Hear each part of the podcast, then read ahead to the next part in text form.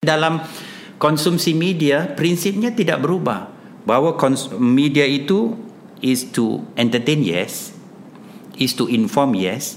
But sekarang lebih gencar, uh, gencar lagi is to influence. Jangan lupa because media can influence.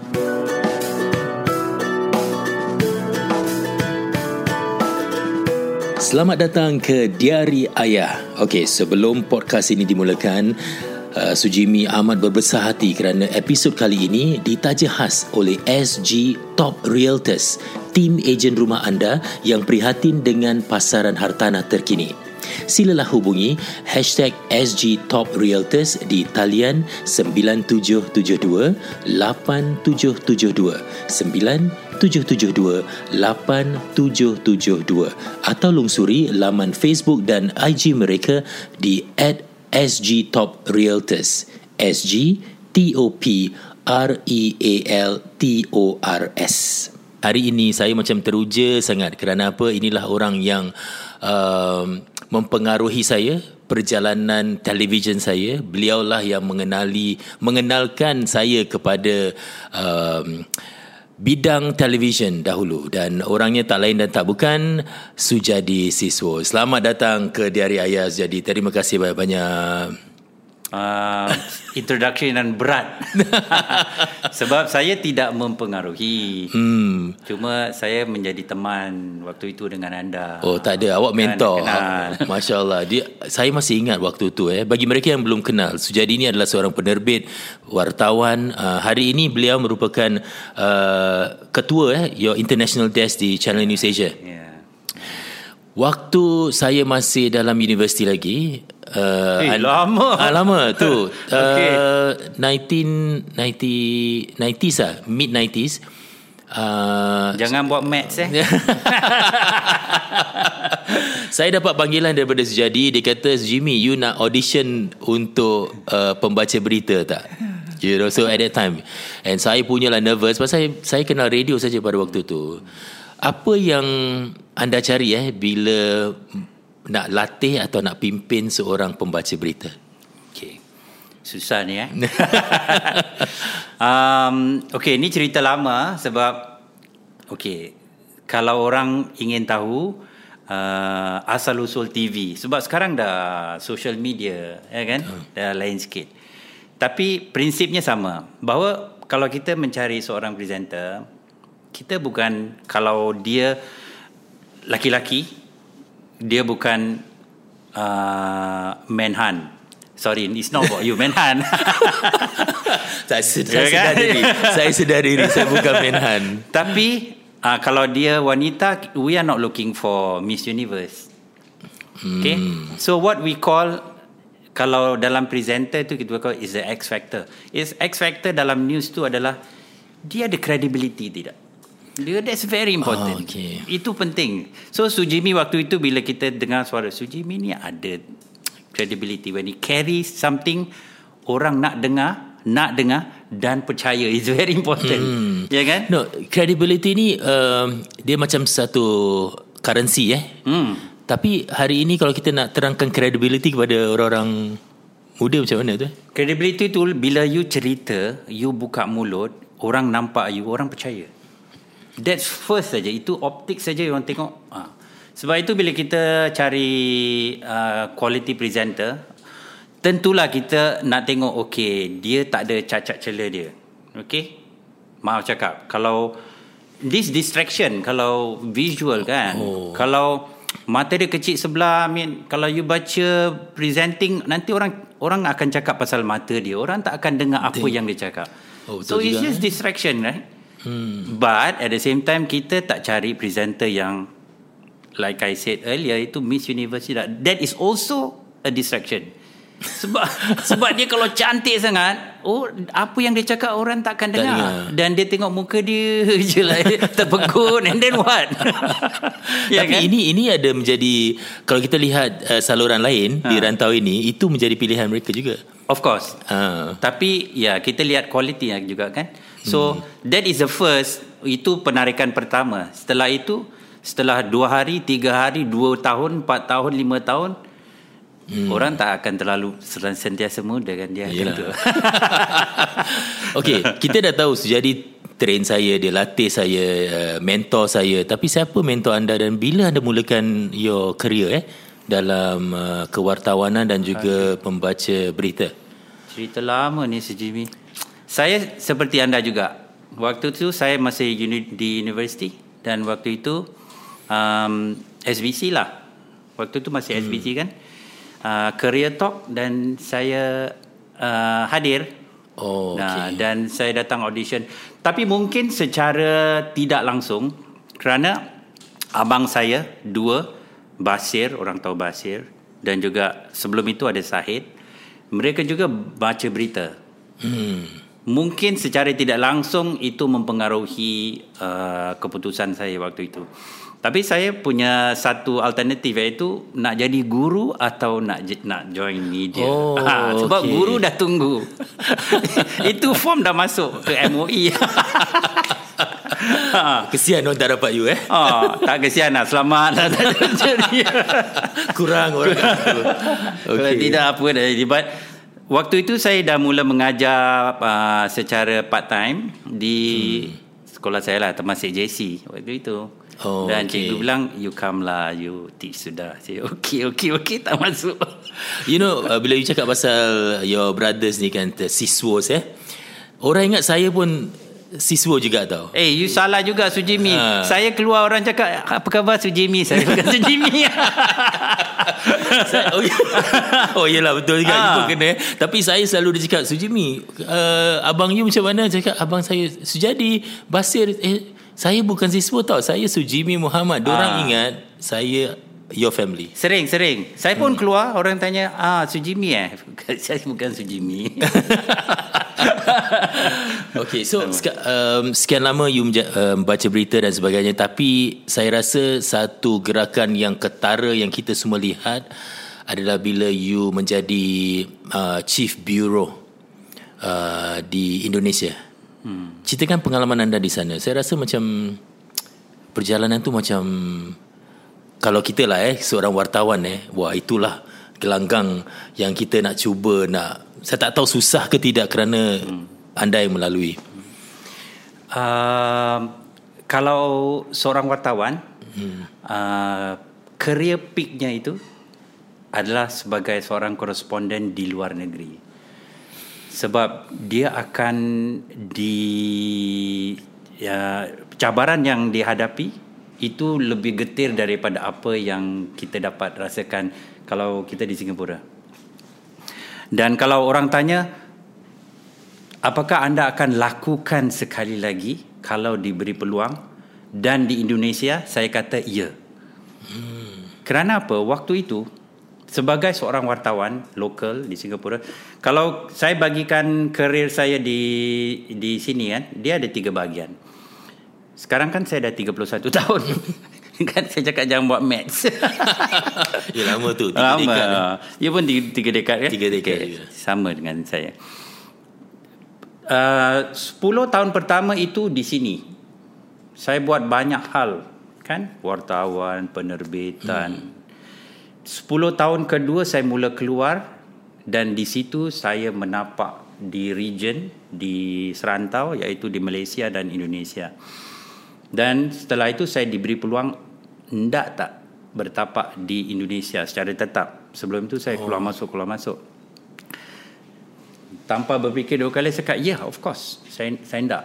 Sebab waktu itu 98 99 2000 itu waktu berlakunya political reform, reformasi Indonesia yang menjatuhkan Presiden Soeharto.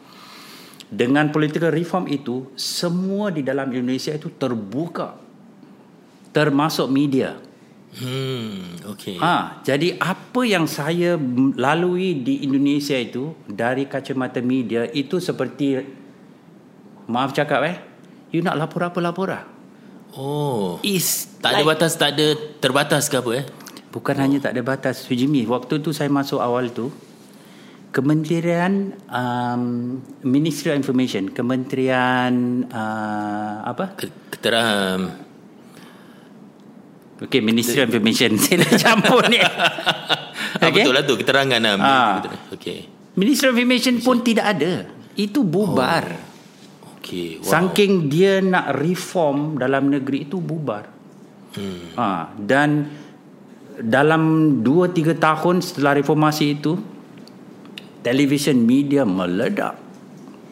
Dan sekarang ada 14-15 TV station aja 14-15. Right? And Twitter account among the the the most apa pop, populated in Indonesia in the region. Agnes Mo aja tu Twitter dia berapa cuba? 17 million followers like. Wow. 17 million. Dia kalahkan Jokowi. Jokowi cuma 13 million. Hmm. Dia 17 million. So dia meledak. Waktu itu saya coverage. Nah itu saya melihat, oh begini eh kalau you bebaskan media eh oh begini hmm. eh dia akan berlakunya Begini tu maksudnya macam mana? Apa cerita berikan kita gambaran bila you cakap you know semuanya free flow. Okey.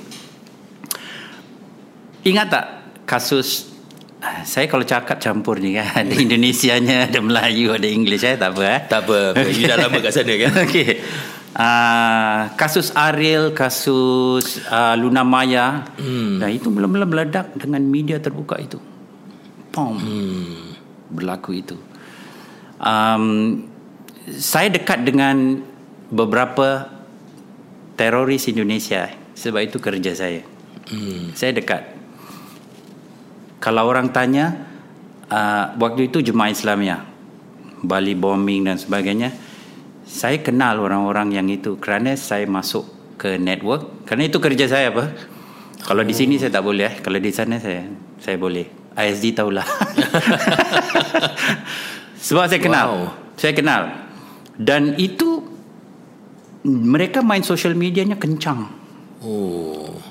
Wow. kerana itu mereka boleh merekrut anggota-anggota melalui itu social media itu hmm. dan it, waktu itu pada permulaan jemaah Islamiyah dan hampir akhir-akhirnya kan bila mereka merubah berubah atau berganjak ke uh, ISIS dan itu merebaknya lebih lebih getir lebih lebih kencang lagi hmm. kerana waktu ISIS itu sudah social media reachnya ya udah kemana-mana itu Okey, sebelum kita ke social media mereka eh, bagaimana anda boleh penetrate tu masuk kepada sampai kenal dan bersama mereka tu? uh, it, ini adalah antara uh, tugas wartawan Oh. uh, kalau anda mau story satu anda harus banyak kenalan kalau anda mau buat kenalan network anda harus build trust.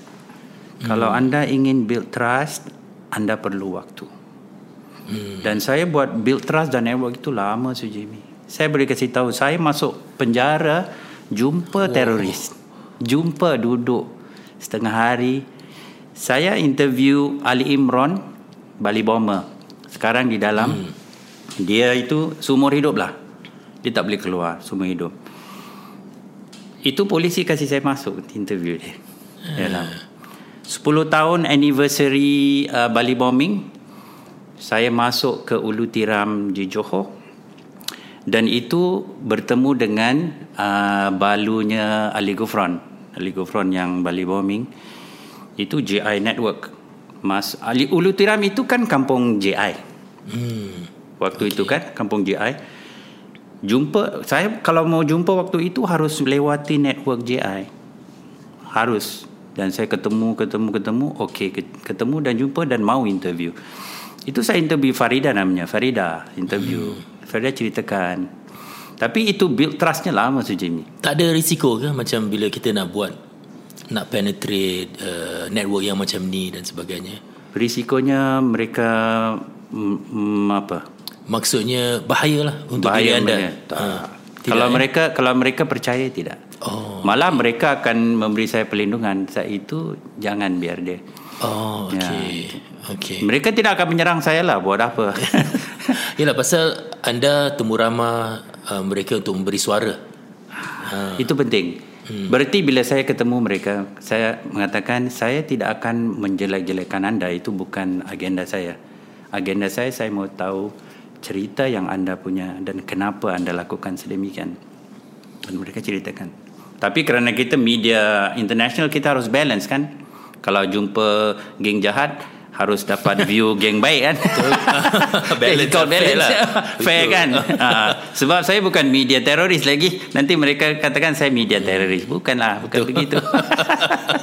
Bila tadi saya jadi katakan bahawa uh, social media sana meledak eh dan macam-macam perkara kita boleh jumpa dalam social media ni saya rasa kita tak dapat bayangkan eh jumlah penduduk di sana kan ramai kan hmm. bila orang mula mula bermain social media ni macam-macam hal boleh berlaku dari segi orang yang menjadi platform media menyebarkan ni bagaimana apa dia punya budaya dia Okey, dia Indonesia ini dia punya uh, akarnya yang dalam.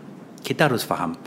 Kerana mereka mempunyai uh, apa civilization yang lama dan institusi sosial yang agak uh, kuat. Okay. Berarti kalau kita lihat uh, Nadatul Ulama Muhammadiyah itu institusi Islam yang lama dan juga NGO mereka kuat.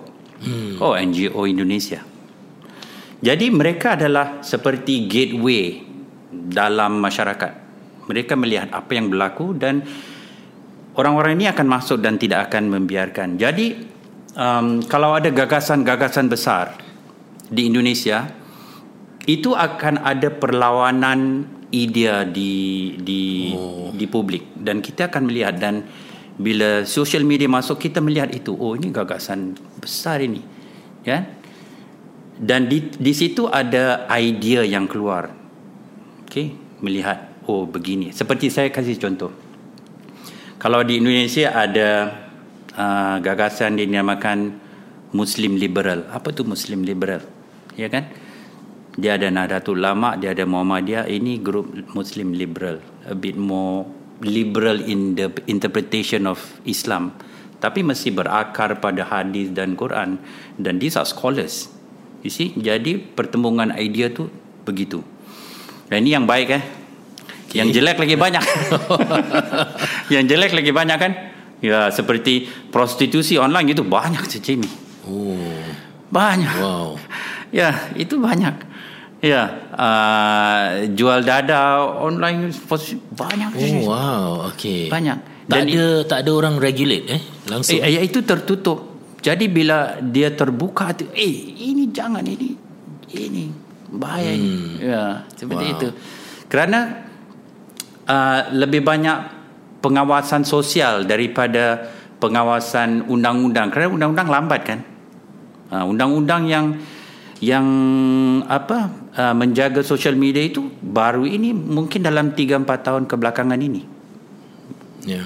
Undang-undang akan catch up tentang apa yang berlaku dalam society kan. Ya, yeah. dan society is the first gatekeeper dulu. Ini boleh Betul. atau tidak boleh, ini boleh diterima atau tidak. Jadi bila kita melihat suasana di mana sesiapa saja boleh katakan apa saja penonton menjadi saya rasa orang yang boleh kawal ataupun orang uh, penerima yang menentukan uh, apa yang sesuai bagi mereka. Apa pandangan anda tentang perkara ni? Kalau misalnya di Indonesia, hmm. di Singapura tentang social media ni. Um, dia begini ya Sujimi. Um, saya rasa dari segi apa yang masyarakat ingin um, consume ya, itu kita harus agak jangan terlalu uh, mengawal kerana dalam era media baru ini kita akan dapat konten maklumat dari mana saja ya yeah? uh, itu susah nanti kalau kita nak kawal apa yang boleh apa yang tak boleh tapi saya rasa lebih baik kita adakan seperti uh, uh, kode individu masing-masing hmm, ya kan okay. apa yang apa yang kita rasa ini saya mau terima. Dia seperti makanan lah. Pasal media ni sebenarnya juga makanan kan. Kita makan makanan ni untuk kenyang aja. Jadi kita makan apa aja asal kenyang atau kita pilih makanan bukan kerana dia kenyang tapi kerana dia memberi saya nutrisi untuk mata saya, untuk telinga saya, untuk rambut saya. Jadi kita pilih kan. Hmm. Ini yang sesuai bagus untuk saya atau tidak. Jadi bila media ini bila kita konsumsi, dia makanan otak. ya kan? Dia diproses di sini because dia ada impact ah. Dia ada influence kita kan sini. Jadi kita sendiri harus pilih. Apa yang baik untuk saya mungkin tidak bagus untuk anda kerana anda perlukan nutrisi rambut yang lebih bagus pada saya. Saya tidak hmm. tahu. Tapi secara am, saya kira masyarakat harus ada satu macam konsensus lah. Yang seperti inilah saya kasih uh, contoh. Semua orang, okay, bukan semua orang, okay? kebanyakan kebanyak kebanyakan orang itu mandi dalam kamar mandi pasti dia telanjang. Tidak ada, bukan tidak ada. Jarang orang yang mandi pakai jilbab atau pakai songkok atau pakai kalau di rumah lagi ah ya kan pakai baju kurung dia mandi tidak ada lah jarang lah itu sakit otak lagi Baik. dia tapi bila dia keluar kamar mandi dia pasti akan tutup dengan tuala lah hmm. ya kan walaupun waktu dia masuk ke kamar tidur dari keluar dari kamar mandi dia akan tutup itu. Sekurang-kurangnya itu. Dan bila dia keluar daripada kamar tidur ke ruang uh, itu dia akan pakai baju lah. Dan bila dia keluar lagi dia akan lebih lebih rapi. Lebih rapi kan? Dan media juga seperti itu. Ya kan? Kita tak mungkin kita buka seluas-luasnya seperti kita di dalam kamar mandi. Sama aja di publik kita okay. kita begitu kan? Kita telanjang. Tidak mungkin lah itu itu hmm. bukan kode community di mana pun tidak begitu kan sebenarnya hmm. jadi bila kita melihat media lah ini ini kamar mandi jangan ini jangan di ini di pribadi lah ha. terlalu pribadi ha, ada ada batas-batas kan itu uh, bila saya juga saya kira ni baru juga hmm. uh, berjinak-jinak di social media eh, selama lima tahun dan saya dapat melihat dalam perjalanan saya sendiri saya dapat melihat uh, wadah ini ataupun gelanggang ini semakin hari semakin menjadi tempat orang memberi maklum balas yang serta-merta dan dia boleh meledak tentang apa saja krisis dengan begitu saja. Tak dia tak ada dia tak ada tunggu jam berapa jam tak ada. Dia sekejap aja dia terus boleh menjadi kan. Kalau anda bandingkan bila Indonesia meledak dengan social media begitu dan Singapura sekarang ini, apa rumusan anda? Dia begini, kalau Indonesia itu dia negeri yang besar eh dengan 17,000 pulau dan populasi 270,000 270 juta jiwa. Itu seperti aircraft carrier kan. Kalau di samudra dia goyang enggak apa-apa tu. Ya kan? Sama juga kalau ada berlaku sesuatu di dalam masyarakat itu ya sebab katakan Jakarta Jakarta itu 10 juta. Penduduk Jakarta itu yeah. 10 juta. In, Singapura aja baru separuh. Jadi di Singapura tu kecil. Kecil itu seperti sampan kalau di masyarakat. Kalau kita goyang itu beli saya terbalik hmm. kan? Jadi komen-komen ini lebih sensitif dalam masyarakat yang kecil. Jadi kita harus lebih berhati-hati kalau kita bandingkan dengan Indonesia. Berarti kalau ada api besar api besar di Indonesia kerana luasnya lahan Indonesia itu dia bisa bertahan. Api ni enggak apa-apa tiga hari empat hari tahan. Tapi kalau kita lahan kecil kalau api besar itu kejap bus habis lah hmm. ya kan itu kan? Yeah. ha. jadi itu lebih kita harus berhati-hati bila kita komentar. Saya jujur dengan Sujimi saya bukan pemain dalam social media sebab trust level saya itu very low Jimmy dengan social media. Hmm. My trust level. Ini you you don't trust social media. I don't trust. Trust tapi my trust level is very low. Hmm. Sebab itu saya pilih-pilih. Tidak berarti saya tidak ada Twitter account. Saya ada Twitter account. Saya ada hmm. Twitter, saya ada Facebook, saya ada Instagram. Are you an observer saja atau because saya tengok anda tak aktif? Saya observer. Hmm. Saya observer. Dan saya consume but I do not participate. Okay. okay. There's a reason. So the the fundamental reason is that my trust level dalam social media is very low. Okay. So I observe Okay, I consume, but I do not participate. So you do not see me posting. Okay. The other thing is that because in my work, um, I do long forms. Long forms meaning bukan bukan documentary bukan apa. Okay. Long forms mean um, because I do international relations sekarang kan. I need to understand uh, what's happening between China and US. I need to understand how China is playing with India and Russia, or within ASEAN, the dynamics within the ASEAN countries. So I need to read long. I need to understand the discourse. Dan social media platform itu sebenarnya bukan untuk discourse yang panjang. Hmm. It's a snapshot and it's a reaction usually. Okay. It's good to get what does people think now, as in now, and it will trigger, right? Like you hmm. said, boom, boom, boom, boom. Tapi to conduct a discussion, a discourse, to understand, it cannot be on a social media platform. Okay, so jadi uh, bila saya mula masuk ke social media, saya terpaksa belajar cara social media hmm. mengolah video hmm. Hmm. dan saya mengubah cara kita dulu hmm. buat long form True. di television. Hmm. Saya nak dapatkan ya, kerana anda dah lebih dulu pada saya. Apa perkara yang anda uh, perhatikan bila mengolah cerita yang sensitif? Kes atau laporan yang sensitif sangat? What is your guide? Apa pimpinan yang anda adakan? Prinsip maksud saya. Okey, dia dia ada dua Sujimi. Satu kode daripada uh, regulator. Sebab okay. kita daripada mainstream media ada kode daripada regulator. I give you an example and ini berlaku di SPS. Okay. Saya okay. mungkin tak tahu waktu anda dengan saya ataupun mungkin setelah itu. Ini SPS nak bagi Ya, selamat bagi sempurna hmm. SPS. Itu cerita laporan tentang um, Batop dancing. Okay. Itu first sensitive topic yang keluar SPS. okay. Selamat pagi. Selamat pagi. Okay. okay. Saya kasih tahu sebab itu ber, itu fenomena baru di Singapura. Hmm. Is follow up daripada Coyote, Coyote Ugly, Coyote Ugly, the film. Kemudian ada Batop Dancing. Dan dalam Oh, okay, okay. Saya, ah. saya ingat tapi itu bukan tahun saya. Bukan eh? Ah, bukan selepas saya. Okay dan itu berlaku dan banyak anak-anak muda Melayu yang was part of the Batop dances hmm. di Singapura. Sensitif right?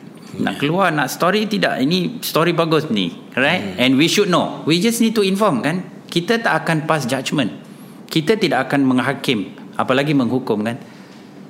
So I told the producer that time si Rita Zahara hmm, was uh, okay. my producer. I say Rita you go in.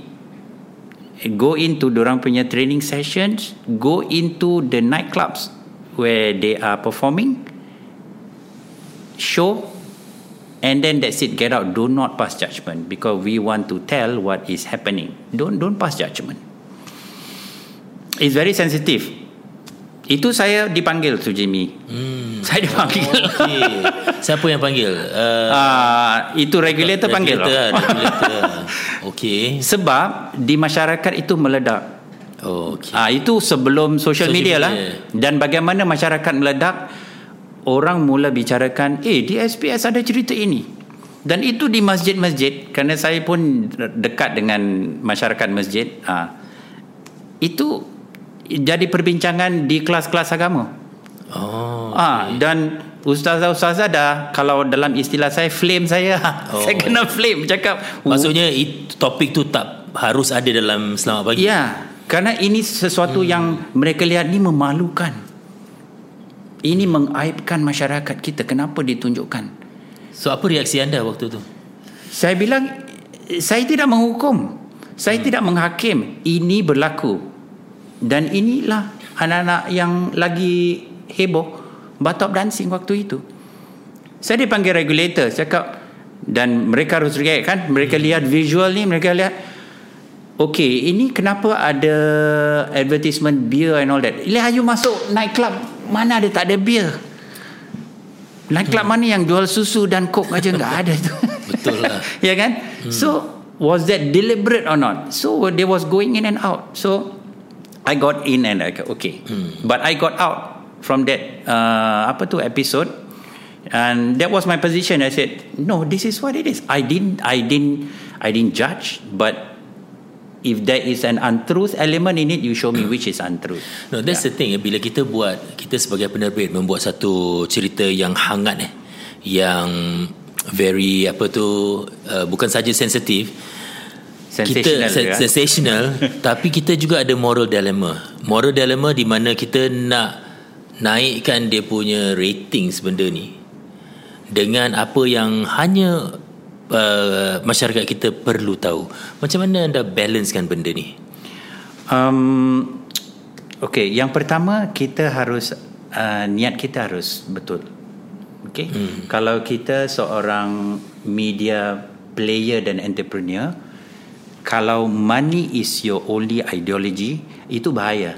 Hmm. sebab if you care only about ratings and viewers and numbers dan itu akan memberi anda masukan yang lebih is that is only your principle then the next level is kenapa tidak telanjang aja di depan kamera? Lebih banyak orang lihat kan? Hmm. so what's next? So bahaya kalau money is the only ideology. So you mesti ada kode etik sendiri dulu apa yang anda rasa okey daripada sebab ini kontekstual kan? Apa yang boleh di Singapura mungkin lebih boleh lagi di Amerika. Hmm. kan jadi kalau anda lihat oh di Los Angeles boleh begitu. Lah itu Los Angeles. Los Angeles masyarakatnya bukan masyarakat Melayu. Dan masyarakat Melayu sendiri di Singapura itu akan beda dengan masyarakat Indonesia yang ada di Indonesia. Pasti beda itu masyarakat Jawa sendiri kalau kita lihat Indonesia kalau masyarakat urban di Jakarta itu beda dengan masyarakat katakan di Yogyakarta yang dominan Jawa. Kerana cultural sensitivity-nya lain lagi kan? Hmm. uh, you see? So it's contextual.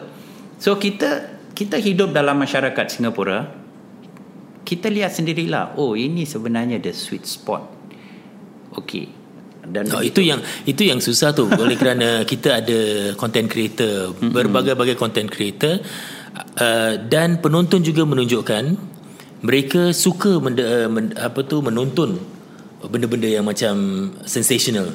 So oleh kerana social media ni dia punya return path dia maklum balas dia sangat laju dan sangat sekejap itu menjadi makanan content creator lah. Ya yeah, ya. yeah. Tentu tentu. Hmm. Sebab itu penting kan content creator jangan menjadikan uh, money sebagai the only ideology. Ya. Yeah? Katakan seperti inilah. Orang suka sekali minum uh, minuman gas dan yang yang manis-manis. Oh, jual lah. Ya, itu buruk nanti kan konsekuensinya kan. Uh, sebagai sebagai penjual you nak tak? You you want to do that? You you are you going to kill your own community slowly? Hmm. with with with they gonna get a lot of diabetes cases? You harus ada rasa tanggungjawab sendiri kan? Uh, hmm. sama juga media. Orang suka kasih orang suka kasih. Eh tunggu dulu. Ini ada baiknya ada buruknya. Itu kan? Hmm. saya tak mau cakap yang ini bagus yang ini tak bagus. But cuba fikir sendirilah. Kalau okey ini hmm. katakan kalau ibu saya dengar ini dia mau enggak dengar ini ya? Agak dia kira-kira dia malu kan? Jangan gitu kan?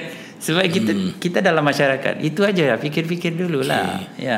But at the same time um, I agree that you must push the boundary in terms of content creation. Anda harus berani right? Hmm. anda harus push the envelope tapi menjaga etika Jangan sampai takut ni jangan nanti orang cakap apa. Ah, then you're not going anywhere. Right? You mau buat satu perkara, oh jangan nanti itu marah itu marah. Lo. Ini uh, mengikut prinsip kewartawanan anda ini perlu diberitahu atau tidak. Itu kan. Ini atas kebenaran ataupun tidak. Kalau benar ya silakanlah. This is the real thing. And that was my principle waktu the batop dancing. I said, this is what's happening and people needs to know and I say yeah so we do it dan itu meletup Sujimi betul no media has covered that No, no media has covered. Not even Berita Harian, not even that that time Berita also. I said we put it up. You put it up. You put, Hmm. Yeah, itu. Itu uh, kali pertama eh you buat that kind of story untuk selamat pagi ke ataupun memang sebelum tu dah ada topik-topik Ah, macam tu. Tak, itu yang paling Yang paling hot lah, yang paling paling, lah. sensational. So that was a test case, I think. Hmm, yeah, but itu prinsip lah. Kalau Sujimi tanya apa yang sensational yang boleh, okay, ya janganlah tunjuk. Hmm. Kalau orang itu separuh telanjang, janganlah tunjuk. I mean, what's the point? What is the Yeah. point, right? Ya, itu. Hmm. Cuma sekarang kita tak boleh benda-benda gini senang sangat lah nak dapatkan social media. You can see all these things. Cuma kita kita kena pilih lah.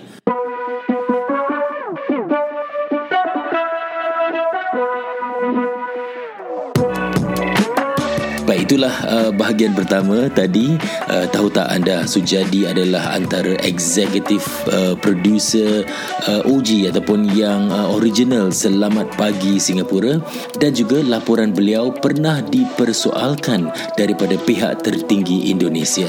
Itu semua dalam bahagian kedua. Jadi ikuti bahagian kedua Diary Ayah Sujadi Siswo.